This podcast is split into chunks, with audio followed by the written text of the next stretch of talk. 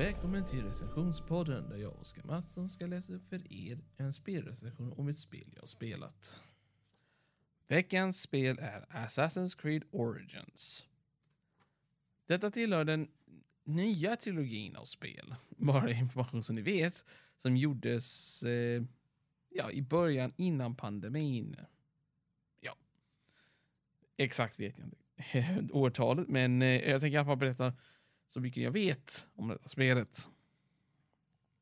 Jag har spelat ut huvudstoryn om undrar, men jag har inte spelat ut alla DLCer. så jag kan inte veta det sakta slutet.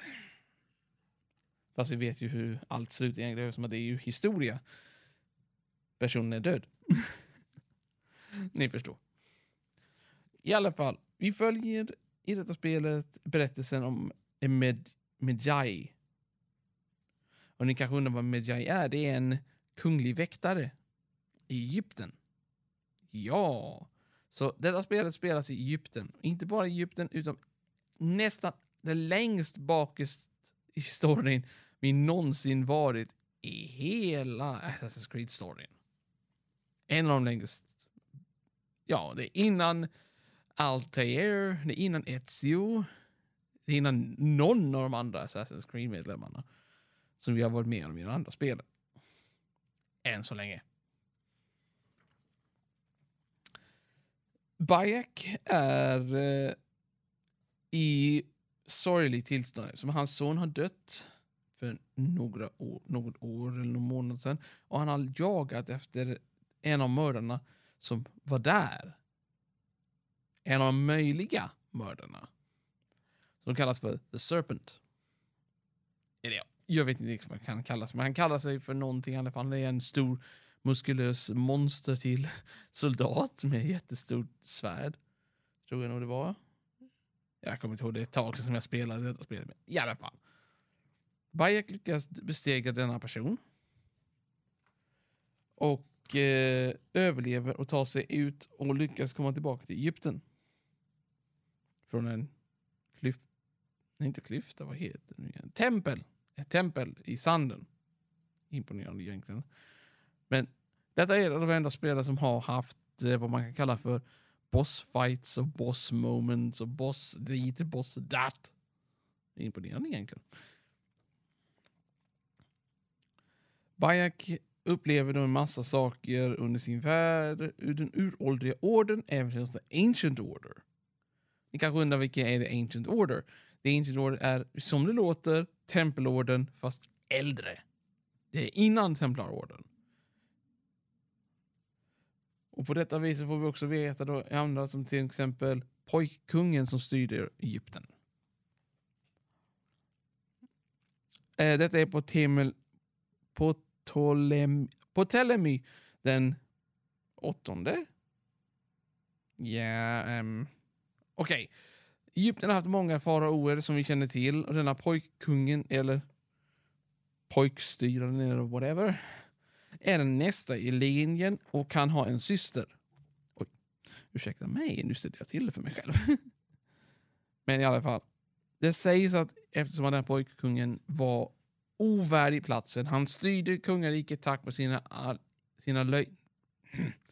sina antagsmän, menar jag. Eller anhängare. Men egentligen var det tvärtom. De styrde, han var bara en figur. Hans syster vid namn Cleopatra...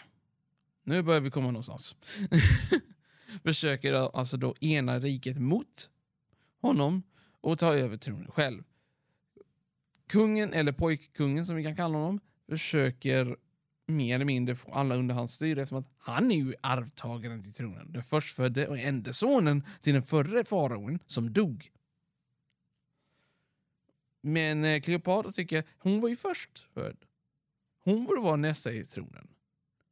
Eftersom att hon är, ja, den först, hon är, eld, hon är äldsta systern, han är den yngre brodern. Men logiskt sett så egyptiska lag säger att endast en farao får sitta på tronen om inte de har gift sig med en annan person som kan vara deras drottning. På detta viset får Kleopatra mycket, mycket mindre connection eller kontakt med olika folk. Men en del av folket börjar sakta byta sida och gå med på hennes sida. Hon till och med får en allians med Rom. Och eh, ja, inte vem som helst, utan faktiskt de får kontakt med Julius Caesar. Och det är där vår story börjar plötsligt ta form eftersom att hon planerar nu en kupp med Julius Caesar och för att ta över Egypten under Roms ledning och hennes. Spelet är väldigt imponerande byggt. Man ska säga så. Det bygger också på kultur, religioner och liknande. Där en gud visar sig. Eller ja, gud och gud. En, man kan kalla honom för allfader till kulturen. Denna person, eller gud, som de anser honom vara, finns i både grekisk, romersk och egyptisk tro. Varför nämnde jag Grekland? Det tänker inte jag avslöja. Hemlighet. Än så länge. Men i vilket fall. Spelet har också två DLCer. Ja, där ljög jag nog faktiskt egentligen. Det finns två stora och ett par små. Jag rekommenderar att ni skaffar då alltså guldpaketet om ni vill ha bara huvud, de stora DLCerna och basspelet. Ultimate om ni är verkligen inställda på det. Ert val. Den första DLCn som jag har spelat ut släpptes... Nej, jag tänker inte säga släpptes, för det kommer jag inte ihåg riktigt årtal. Men jag kan säga i alla fall att den heter The Hidden Ones och är första gången Assassin-orden börjar få sitt namn. The Hidden Ones. Det är de första lönnmördarna i historien. Men de är inte det enade under en ledare utan två. Bayek och hans fru. Vem är hans fru? Och hon är en väldigt viktig person som vi kommer få reda på senare. Kallas för Artemis. Eller ja, hon får det som sitt andra namn. Egentligen hennes riktiga namn nämns inte i spelet. Men vi får reda på att hon kallades för Artemis för hon rörde sig snabbt, mystiskt och dök upp från ingenstans, lönnmördade sitt mål och försvann lika fort som hon dök upp.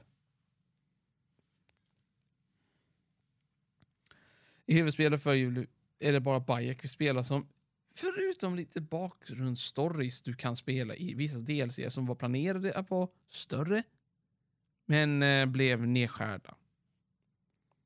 En av dessa är båtstrider, vilket är eh, taget från, eh, ja, hur ska man säga det? Det är taget från Black Flag med egyptisk stil. Rätt så frågetecken om det är värt att spela. Du kan göra om detta uppdrag många gånger, få lite pengar, sådana grejer. Det är en ekonomiinkomstkälla. Den nästa DLCn som är stor heter The Curse of the Pharaohs. Eller Faraonerna. Curse of the Pharaohs släpptes eh, två, tre månader efter förra Hidden Ones eh, DLCn. Och är den enda DLCn jag inte kunnat spela ut. Jag försökte verkligen. Jag försökte. Jag ber er allihopa som lyssnar på detta nu verkligen. Och du kanske inte spelade tillräckligt bra, men jag försökte bara på grund av att jag ville spela ut det, men jag kunde inte. Det kändes fel.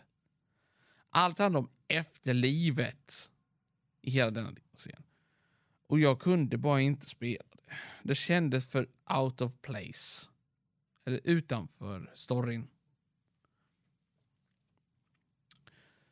Detta spel kan ta upp till 10 till 9 dagar att bygga.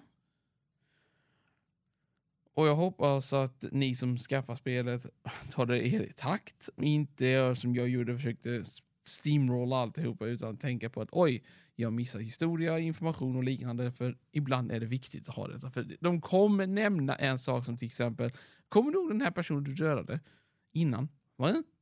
Nej, jag hoppade förbi den informationen. Oh shit. Ja, i alla fall, han hade en skatt någonstans som han nämnde. What?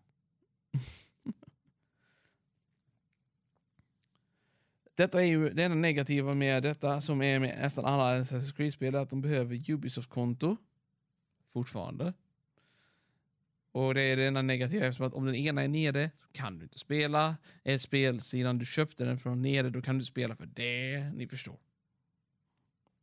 Mitt betyg för detta spelet. Som syndiket så förtjänar det i alla fall 7 av 10. Men eh, ja, det kunde varit bättre, men eh, vissa saker är negativa. Combaten är bättre, världen är lite bättre, men också har många negativa punkter som gör det reducering. Jag skulle kunna ge det upp till 9, men eftersom att det finns så mycket negativ punkt så måste jag dra ner det två poäng till 7 av 10 och inte högre. Många punkter skulle nog säga att egentligen ser det 6 av 10 istället, men jag tyckte att storyn, i alla fall basstoryn var rolig, intressant och framtidsklippen eller nutidsscenerna är mycket, mycket bra faktiskt. Visst, huvudkaraktären du följer är en pain in the ass. Eller ja, inte pain in the ass kan jag inte säga, men i alla fall. Hon är tråkig. Jag saknar Desmond. Det är en skrämmande känsla egentligen. Jag saknar Desmonds gnälliga personlighet jämfört med henne. Jag hoppas att ni njöt av denna recension. Jag kommer försöka hinna med nästa, som är det sista spelet i denna serien. Om ni inte har hört eh, ja, jag gjorde en crossover med ett av spelen, så nu är det bara ett spel kvar. I Assassin's Creed-sagan som jag håller på, som jag har gjort hittills. Så nästa gång, ni kan gissa vilka spel det är nu, men eh, jag tänker inte avslöja. Tack för mig. Hej då!